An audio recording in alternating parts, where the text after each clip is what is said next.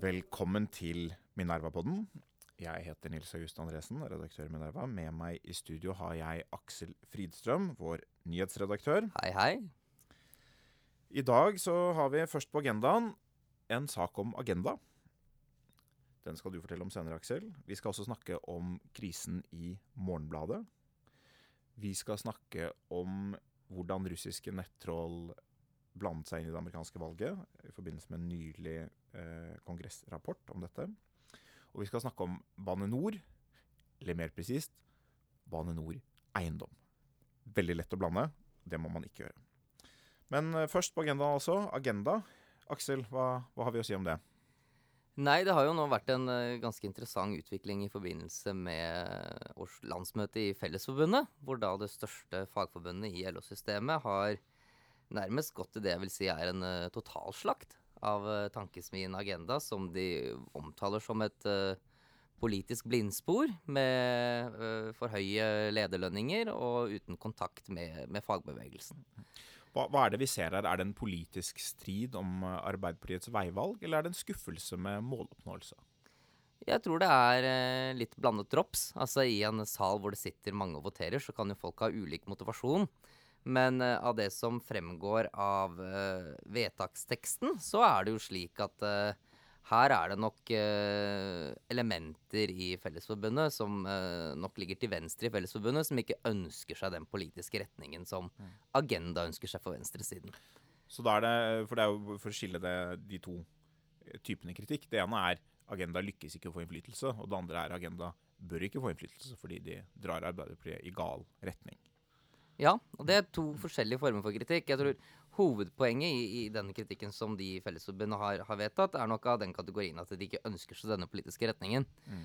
Uh, og det illustrerer jo litt av det som kanskje også gjør det vanskelig å drive Tankesmien Agenda. Da, fordi at Tankesmien Agenda er en tankesmie som driver med veldig mye påvirkningsarbeid mot LO-medlemmer. Og det er litt vanskelig kanskje for hvis du er medlem i LO, hvorfor skal vi betale en tankesmie for å påvirke oss selv? Mm. Eh, for tradisjonelt sett så vil det jo være slik at eh, fagbevegelsen selv tenker på seg selv som premissleverandør og idéverkstedet eh, til Arbeiderpartiet, og da blir det jo veldig rart å ha en, en uh, tankesmi på siden av det, som det kanskje da trekker i en, i en annen retning. Mm. Uh, og det gjør det jo veldig veldig vanskelig selvfølgelig for, for, for Agenda å, å drifte. Uh, og det, det, illustrerer jo ganske mange paradokser da, i hvordan denne tankesmien egentlig er, er satt opp. Mm. Uh, det, er, det, er, mange paradokser i det. fordi det er jo Agenda ble jo på mange måter satt opp som et svar på Civita. Man opplevde at Civita fikk innflytelse i offentligheten og måtte, følte at man måtte kontre det. Det venstresiden måtte så litt bort fra da den gjorde det, var at venstresiden allerede hadde en rekke si, kontrollhøyder i den offentlige debatten. Det var jo hele utgangspunktet for at Civita ble, ble startet. Man hadde allerede manifest. Man hadde veldig stor oppslutning eh, blant akademikere på universitetet. og Stort fotavtrykk i mediene. Man hadde veldig sterk tilstedeværelse i offentligheten. Men man bestemte seg likevel for å opprette eh, agenda. Litt på samme måte så bestemte også Manifest seg for å opprette tidsskriftet Manifest, nærmest som et svar på ja, ubeskjedenhet, et svar på Minerva. Heller ikke det var noe veldig suksess, fordi det var ikke noe behov for det, eller noen egentlig etterspørsel etter det. Eh, men når jeg ser på Agenda, jeg vet ikke helt hva du tenker, Aksel, så ser jeg jo eh, et prosjekt som er knust litt under en blanding av at eh, som en tenketank så drifter det mot det sånn sentrumsliberale. Målet var jo også litt det var, det var, en helt annen situasjon, politisk situasjon da det oppsto. Målet var å trekke Venstre og KrF mot sentrum. Den ballen er jo nå død. Men på den annen side så er det også en organisasjon som, som dette vedtaket viser, som har eiere som, som ikke ønsker kritikk og ikke ønsker, ønsker egentlig ikke nødvendigvis noe annerledestenkning. De ønsker at folk tenker det de har tenkt, og fremmer det i offentligheten. Og, og, derfor er Agenda også De har ikke trukket til seg frittenkere som ledere. Uh, og det er jo, Du var jo i en debatt med Trygve Svensson, leder i Agenda nå nylig, hvor han uh, ja, etter ditt skjønn, så vidt jeg forsto, kanskje drev med litt spinn på vegne av Arbeiderpartiet. Er det rimelig å si det? Altså, jeg oppfatter dem veldig ofte sånn fordi uh, jeg, og det er jo tilbake til det du sier, at det er, liksom, det er opprettet litt som en, som en, motvekt til Civita, hva man da enn mener at det Civita er. Så de har liksom laget en, en tankesmi som har kanskje til formål å, å diskutere med Civita og fremme motargumenter og den type ting, og være til stede i Dagsnytt 18 og ulike mediekanaler, men hvor det ikke foregår en veldig sånn selvstendig kritisk tenkning nødvendigvis av, av venstresiden. Det er litt vanskelig da å, å skille den jobben som Agenda egentlig gjør, med bare helt vanlige kommunikative aktiviteter som Arbeiderpartiet f.eks. uansett ville holdt på med. da. Mm. Uh, så er det jo også Man kan jo også si uh, til liksom kan du si, Agendas forsvar, da. Altså, Agenda bruker jo f.eks. masse tid på å forsøke å forklare LO-medlemmer at man ikke bør melde seg ut av EØS-avtalen. og Svensson går jo til og med ganske langt og sier at LO liksom gjør seg irrelevant da, hvis de, hvis, hvis, hvis de gjør det. Og det er ikke, noe, det er ikke så rart at de, de, blir sure for det i, i, LO. Det ville jo jeg også tenkt. Men, litt som om Civita si, skulle fortelle eierne at nå må formuesskatten opp. Nå må dere skjønne at formuesskatten må opp. Ja, eller hvis Civita hadde skrevet eh, kronikk på kronikk liksom, om hvordan eh, bedriftene i næringslivet skulle styres, da, så er det ikke mm. sikkert at bedriftseierne eh, hadde synes at det heller var så, var så veldig gøy. Mm. Men eh, nå er det jo ikke det eh, Civita i all hovedsak beskjeftiger seg med. De beskjeftiger seg med helt andre ting. Uh, men for Agenda sin del så er jo det en relevant problemstilling. At de er en tankesmi som langt på vei også bruker veldig mye tid på å forsøke å påvirke de som faktisk finansierer dem. Uh, og det, i den grad det er mulig. Uh, og da er det klart at da vil du også få et backlash av den typen man har sett nå. Mm. Jeg så det var noen som skrev at Jonas Bals, en tidligere fagforeningstopp og, skribent og tidligere rådgiver for, for Støre, vel, han er mer verdt for LO enn hele, hele agenda. Og det, det, reflekterer vel litt sånn både striden om uh, hvordan man snakker om EØS og sånn, men et større tema der er jo egentlig hvilken, altså hvor god pengebruk uh, har agenda vært, selv om man ikke er politisk uenig med dem. Har du noen tanker om, om det? Jeg tror at de i hvert fall, i den grad de hadde en eh, første milepæl, da, som var å eventuelt eh, få lurt Venstre eller KrF over til eh, venstresiden, så har de jo mislykkes med det ganske spektakulært. Mm. Eh, det betyr ikke at det trenger å være mislykket i uendeligheten, men man har jo definitivt et poeng når man trykker på den knappen. Mm. OK, vi går, uh, vi går videre til, til, neste sak på programmet, Aksel. Ja, og det er jo en artikkel du har skrevet, Nils August, om eh, krisen i Morgenbladet, der hvor du er eh, ganske krass mot eh, journalistene i Morgenbladet. Ja, jeg, jeg, er det. Det er riktig. Hva er det du mener at denne kritikken består i? Nei, jeg er ikke først og fremst, uh, Kritikken er egentlig ikke først og fremst mot uh, klubben og journalistene i Morgenbladet. Eh, men det, det videre opprøret som etter hvert har tatt form altså denne, denne krisen startet vel eh, i, offent, i offentligheten 11.9. Eh, skjebnetung dag. hvor det ble sendt et brev til redaktøren i Morgenbladet, Anne Bensen, styreleder i Morgenbladet, Amund Juve, og konsernsjefen i, i, hos eieren, NHST. Hvor klubben uttrykte mistillit til Jensen og gikk løs på hennes lederegenskaper, men også nevnte noen av de krevende vedtakene som har vært gjort i avisen senere tid, bl.a. nedbemanninger og noe om hvordan nettomstillingen går osv. Men eh, etter det, dette opprinnelige oppropet, eller brevet, som handlet mye om Anna Bensen som person, så har eh, opprøret spredt seg videre til et mer sånn generelt opprør mot eh, profittenkning i aviser og kommersialisme og nett versus papir og mange til dels ganske usaklige angrep mot eh, eieren, NHST, som ikke har gjort noe annet galt enn å kjøpe avisen og putte noe penger inn i den og ikke ta noe utbytte i det hele tatt. Og det er en litt interessant eh, konflikt å ha eh, gående. Eh, det, den type konflikter kjenner vi jo fra tidligere nedbemanninger. Altså Nedbemanninger skaper alltid konflikter. Men denne type runder i både Dagbladet og andre aviser har det har vært protester, men det har vært innenfor en ramme. Men her går det utover alle rammer. Det er eh, 33 skribenter tilknyttet avisen har innført eh, en slags embargo. Eh, vil ikke levere stoff til avisen. Mange abonnenter vil eh, si opp osv. Og, så og fortsetter dette, så er, jo, er det jo kroken på døra for Morgenbladet. Men hvorfor er dette opprøret så veldig mye annerledes enn alle andre typer opprør, da, hvor eh, ansatte eller bidragsytere protesterer på nedbemanninger eller det, det effektiviseringskrav eller strategivalg? Altså, det første er intensiteten i det. Altså, en ting er protest, en annen ting er uh, leveransenekt og oppsigelse osv. Det andre er uh, at det er en veldig tvilsom sammenheng mellom altså, Ikke at det er nullsammenheng, men man har, gjort man har gjort det i veldig stor grad til en generell konflikt om kapitalisme. Det, startet, det startet altså som et opprør mot en leder og en leders lederegenskaper og har gått til et mye mer generelt opprør mot uh, en styringsform. Uh, og, og, det, interessante med det er at man, måtte, man tegner et bilde av Morgenbladet som en slags enslig svale av ånd og opplysning og dybde og substans i, i et hav av materialisme og, og, idioti. Og I tillegg til at det er litt fornærmende mot hele den øvrige mediefloraen, så, så, er det noe veldig interessant der, som jeg synes er, måte, jeg, det er en tilbakemelding som jeg syns Morgenbladets journalister uh, godt kan få. Og det er at all den sympatien Morgenbladet nå høster, spesielt på venstresiden selvfølgelig, utenfor avisen, uh, sånn som Mimir Kristiansson, som i går skrev på Facebook at han hadde takket nei til å skrive for Morgenbladet fordi han vil ikke jobbe for NHST. Sånn pompøst og tullete på, på en gang. Uh, all den sympatien den kommer fra mennesker som inntil nylig snakket om Morgenbladet på en helt annen måte. Fordi i, i uh, intellektuelle kretser de siste par årene så har Morgenbladet stadig oftere blitt omtalt som kvasintellektuelt snobberi og jolleri uten egentlig dybde og substans. Eh, en avis som ikke evner helt å sette agenda eh, som ikke evner å være relevant, og som ikke egentlig er helt i takt med tidens store utfordringer osv. Så sånn er mange av de som nå eh, raser mot liksom, kommersialisme og eierstyring, som har snakket om Morgenbladet.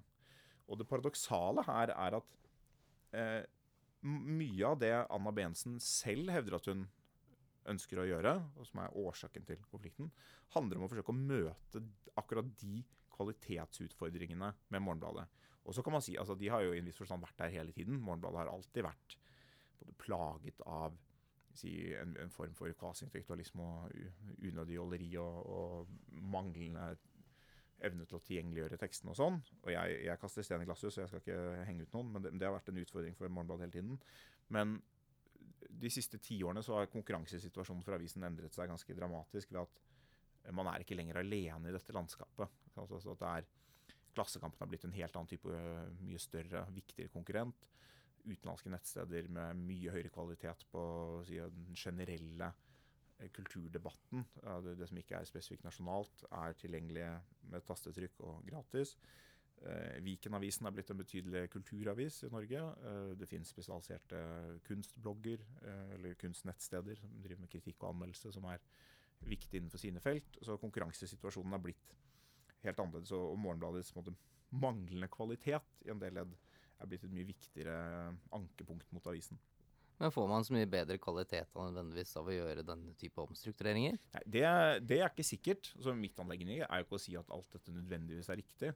Uh, men, men, det helt, men, det er forståelige grep. Det, går, det er ikke noe problem å Sånn som jeg oppfatter det, etter å ha hørt på en måte hva opprørerne selv sier, de beskriver det jo som uforståelig, men når man hører på hva de selv sier, så ser man på en slags innretning på det som er foreslått, hvor man uh, si, forsøker å skape noe som man kunne tenke seg at ligner på et slags uh, norsk uh, The Atlantic, det amerikanske tidsskriftet, som har en månedlig papirutgave som prøver å sette et tungt tema med liksom, en tung artikkel eller tung journalistikk, og ellers har på en måte mye intellektuell kulturdebatt og politisk debatt. Uh, og som de også da følger opp løpende gjennom uken. Det er et eller annet sånn, en sånn retning man ser at uh, Anna Bensen sier at hun vil gå i, og som, de, som klubben for så vidt også rapporterer på en litt annen måte, men de rapporterer at det er det samme målet de har fått beskjed om. Uh, og Den store utfordringen for Morgenbladet har vært at de mister veldig veldig mange abonnenter hvert år, og at disse abonnentene oppgir nettopp mangel på relevans, mangel på agendasetting, for tunge og kronglete innganger til stoff for forutsigbart. Eh, og det er på en måte ikke det, man, det, er ikke sånn at man klager på at skribentene er for, for uh, smarte eller for uh, faglige eller noe sånt. Man klager på at de ikke er egentlig gode nok. Og det er, det er en tilbakemelding som selvfølgelig alltid er tøff å få, men, å, men å, og, og, det kan være mye galt med måten dette har vært ledet på.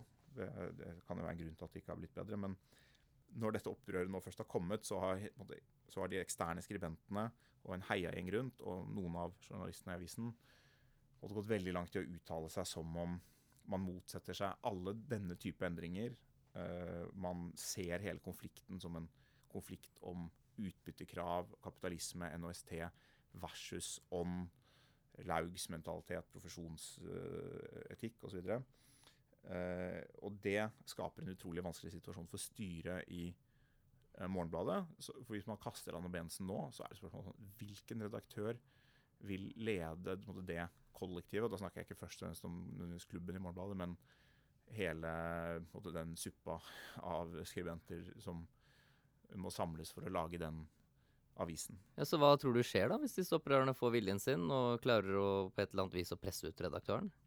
Ja, det blir spennende å se. Altså, det, det, jeg vet ikke. Er, hvis de presser ut redaktøren uten at det foreligger noen erstatter, så ser jeg for meg at det blir en veldig krevende situasjon. Det blir kanskje en av de ansatte selv som tar over, hva, eller at man finner noen andre. Men hva slags mandat en sånn person har til å gjennomføre styrevedtak. Det må huske at En del av de konkrete tingene det protesteres mot, er jo ikke Anna Bensens helt egne ideer, men det er forankret i, i styret.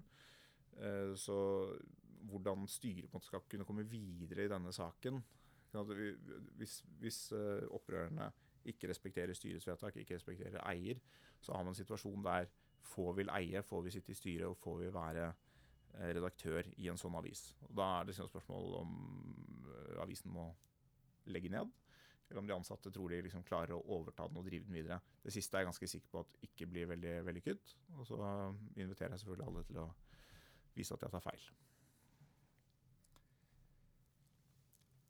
Skal vi hoppe videre? La oss hoppe videre. Vi, du også skrevet artikkel eh, denne uken, Aksel. Du har skrevet om en litt annen form for medieoperasjon enn Morgenbladet, nemlig russiske nettroll. Hva er det, det de har gjort for noe, da? Det har jeg. altså At russiske nettroll har vært aktive i den amerikanske politikk og samfunnsliv, er jo egentlig viden kjent, men uh, Det er ikke en breaking news, altså? Nå i oktober så kom det en uh, ny rapport som så på omfanget av hva russerne har beskjeftiget seg med i USA, da særlig under presidentvalget. Uh, og den har en rekke funn som har til en viss grad vært berørt før, men som i, i liten grad er, er, omtalt, og som er eh, egentlig ganske sjokkerende. Eh, hva, er det for noe? nei, altså det viser at russerne har egentlig forsøkt veldig aktivt å delta i den identitetspolitiske debatten i USA på alle mulige fronter. Og da særlig har de vært aktive ved å henvende seg til eh, svarte amerikanere. Eh, over to tredjedeler av alt betalt innhold som eh, russerne produserte, henvendte seg til dem. Med da mål om å så misnøye ved å vise til eh, ulike eksempler av politivold, støtte opp om lignende bevegelser som Black Lives Matters. De lagde til og med en parallell type Black Lives Matters-bevegelse som hadde sin egen Facebook-side med over ti millioner følgere. Eh, de ga støtte til eh, denne NFL-quarterbacken Kapernik, som hadde sine knelopprør mot uh, i, i, ved at han da knelte når nasjonalsangen ble spilt. Uh, så det er én knapp som de mm. forsøker å, å, å, trykke på. Og i tillegg så lager de materiale som er til støtte for ulike andre minoritetsgrupper. ofte gjerne assosiert på venstresiden, sånn som LBT-aktivister og feminister. Samtidig som de også har støttet opp om en del marginaliserte miljøer på høyresiden. Mm. Men overvekten av kommunikasjonen som russerne kom med eh, Syv av de ti største Instagram-kontoene, som var såkalte mm. trollfabrikker for russerne, henvendte seg til publikum på venstresiden i amerikansk mm. politikk. Men dette er jo interessant, Aksel, fordi det er jo tidligere konkludert med, og jeg lurer på om denne rapporten også gjør det, at eh, og republikanerne i Kongressen har også akseptert, i noen grad i hvert fall, at russernes mål var å eh, ikke bare å så misnøye, men også hjelpe Donald Trump til å bli valgt. Og Da er det et interessant spørsmål hva, hvordan går de to tingene sammen? At man prøver å mobilisere eh, Kall det ytre venstre, eller ulike identitetspolitiske grupper på venstresiden. Eh, at man prøver å mobilisere dem til, til, sinne. Man kunne jo tenke seg at det styrket eh, motkreft mot Trump, at det styrket venstresiden. Men det, det ser ut som russerne kanskje ikke har tenkt akkurat det. Hva tror du er logikken Det virker i hvert fall som russerne har kommet til motsatt konklusjon. Mm. At uh, mest mulig bråk fra ytre venstre i USA er favoriserende eh, for, eh, for Trump, at de derfor velger å trykke på den knappen. Mm. Og man ser veldig tydelig hvordan de forsøker å, å, å, å fremprovosere bråk. Altså det er En av de mest eh, eklatante eksemplene som velger, nevnes i denne rapporten, er at de har eh, laget en eh, Facebook-gruppe som henvender seg til amerikanske muslimer, og så har de en eh, Facebook-gruppe som henvender seg til noe som kalles for noe sånn Real Texas-aktig. Og så sørger de for at de har både demonstrasjon og motdemonstrasjon or orkestrert av uh, russisk etterretning på samme sted i Texas. Mm. I håp om at det skal bli mest mulig kvalm, og at det kvalmet da til syvende og sist vil føre til at kanskje at uh, de som befinner seg i sentrum av amerikansk politikk, vil foretrekke den type Donald Trump-karakter sammenlignet med uh, venstreaktivistene. Nå, nå skal jeg stille et spørsmål som noen kanskje vil si er litt ledende. Uh, er det noen lærdommer her å trekke for, for venstresiden i, i Norge og andre land? Ja, det tror jeg så absolutt. Tror jeg, tror jeg, tror at når, jeg tror nok at russerne, når de trykker på disse knappene, nok vet hva de gjør, og at de skjønner at uh, mange aktivister på venstresiden skyter seg selv i foten ved å innta uh, det, det handlingsmønsteret. Og at det er derfor også russerne forsøker å hjelpe dem ved å gi dem en megafon. Tror du, vi kan tenkes, eh, tror du kan tenkes at vi har denne type fenomener i Norge? Altså Ikke identitetspolitikk, men russisk uh, si, At russerne trykker på noen knapper i de identitetspolitiske debattene her også? Har vi noe Det er i hvert fall ikke utenkelig, og det er kanskje noe vi skal forsøke å undersøke litt i Minerva fremover. Eh, hvorvidt den type samme aktiviteter også foregår her. Det blir spennende. Men du, Aksel. Nå har vi snakket mye stygt om eh, venstresiden. Vi har snakket stygt om Agenda. Vi har snakket stygt om eh, venstrevridde skribenter eh, knyttet til Morgenbladet. Og vi har snakket stygt om identitetspolitikk på venstresiden. Og det er jo det man forventer selvfølgelig av en borgerlig avis. Men vi skulle ikke snakket litt sykt om høyresiden også, da? Er det mulig? Ja, nå skal du, nå skal du høre, Aksel. Fordi i morges så sendte du meg en, eh, et bilde fra Aftenposten. Eh, hvor, eh, du hvor, hvor det sto noe om, om Bane NOR. Det stemmer. Det er jo en korrigering fra Aftenposten ja, den, den i sin omtale. Eh, jeg skal lese den opp for, eh, for lytterne. I papiravisen i går, på side 20, skrev vi at statsforetaket Bane NOR arrangerer en konferanse om utviklingen av Filipstad-området i Oslo, hvor billettprisen for å delta er 4950 kroner.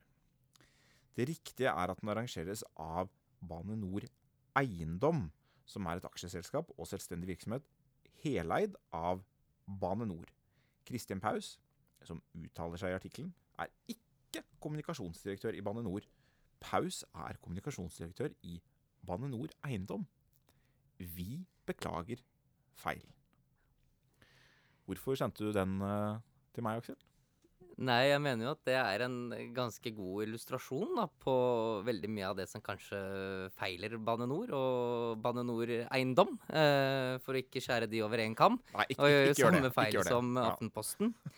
Men eh, det tyder jo altså det, det, altså det ene er at det koster nesten 5000 kroner å gå på et seminar de arrangerer om eh, byutvikling i, på Filipstad. I seg selv er jo interessant, men det er jo også det at eh, Bane NOR Eiendom, som da er morselskapet, ikke kan engang vedkjenne seg eh, det at de har et, et datterselskap som gjør det. Og i tillegg må presisere at det er forskjellige kommunikasjonsdirektører. Da. Så nå har de ikke bare én kommunikasjonsdirektør, men de har to.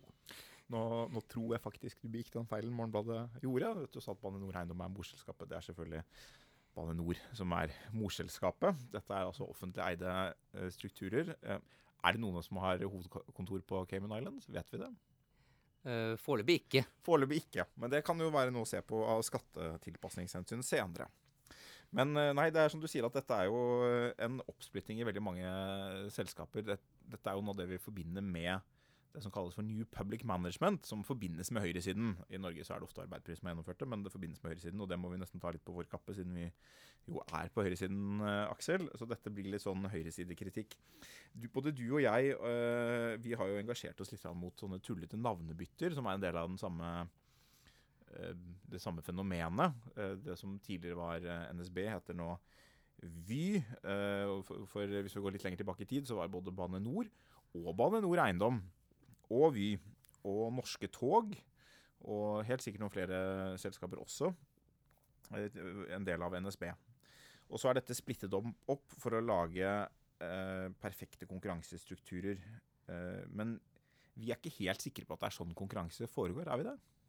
Nei, altså jeg mener nok at dette baserer seg litt på et falsum. Mm. Eh, og da kommer vi også tilbake til en artikkel som vel min, min far har skrevet til eh, Minerva, hvor også deler av disse tingene eh, drøftes.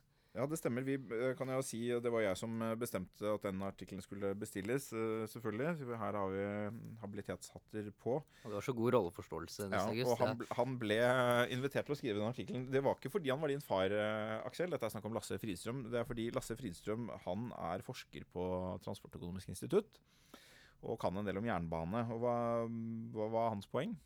Nei, hans sentrale poeng er at det, litt av ønsket om å få til mer konkurranse på jernbanen bygger litt på et, på et falsum. Fordi at jernbanen allerede er konkurranseutsatt. Fordi at jernbanen konkurrerer med bil, det konkurrerer med båt, det konkurrerer med buss, det konkurrerer med fly. Uh, så jernbanen har egentlig ingen monopol. Det eneste stedet hvor jernbanen er et monopol, det er i vintermånedene på Finse stasjon. For det er det eneste stedet i Norge hvor det kun er mulig å komme med tog. Men det gjelder da bare om vinteren, for ellers går det an å kjøre dit. Mm. Alle andre steder så konkurrerer jernbanen, og har ofte veldig potente konkurrenter. Og det er jo derfor man ser at eh, jernbanen i Norge går, går med store underskudd og er avhengig av å få driftstilskudd fra staten hvert eneste år for å kunne opprettholde tilbudet. Mm. Og det er jo stikk i strid med hvordan en et selskap som faktisk er monopolist og opptrer. Ikke sant? Så Ser du på Microsoft eller Facebook eller andre selskaper som har begrenset konkurranse, vil du si at de har kjempeprofitt.